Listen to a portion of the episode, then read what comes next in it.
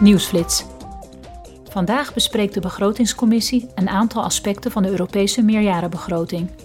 Eurocommissaris Haan voor begrotingszaken zal eerst een structurele oplossing voorstellen voor financiële steun aan Oekraïne in 2023. De leden van de begrotingscommissie zullen ook praten en stemmen over een initiatief van het Europees Parlement om 720 miljoen euro uit het Solidariteitsfonds van de EU beschikbaar te stellen aan de lidstaten. De parlementsleden willen een veerkrachtige EU-begroting die het hoofd kan bieden aan nieuwe uitdagingen. De opzet van de huidige meerjarenbegroting is namelijk niet flexibel genoeg om op actuele gebeurtenissen in te spelen, zoals de oorlog in Oekraïne. Vandaag zal de Commissie Burgerlijke Vrijheden, Justitie en Binnenlandse Zaken een openbare hoorzitting houden over het onderwerp handhaving van surveillance in de openbare ruimte. Tijdens de hoorzitting zal worden onderzocht hoe biometrische gegevens veilig kunnen worden ingezet in de strijd tegen criminaliteit in de openbare ruimte, zonder de dataprivacy aan te tasten.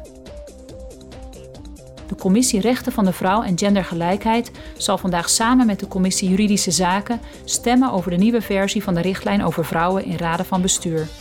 Het doel van de richtlijn is om tot een beter genderevenwicht in bedrijven te komen en wel door de aanwervingsprocedures transparanter en daardoor beter te maken.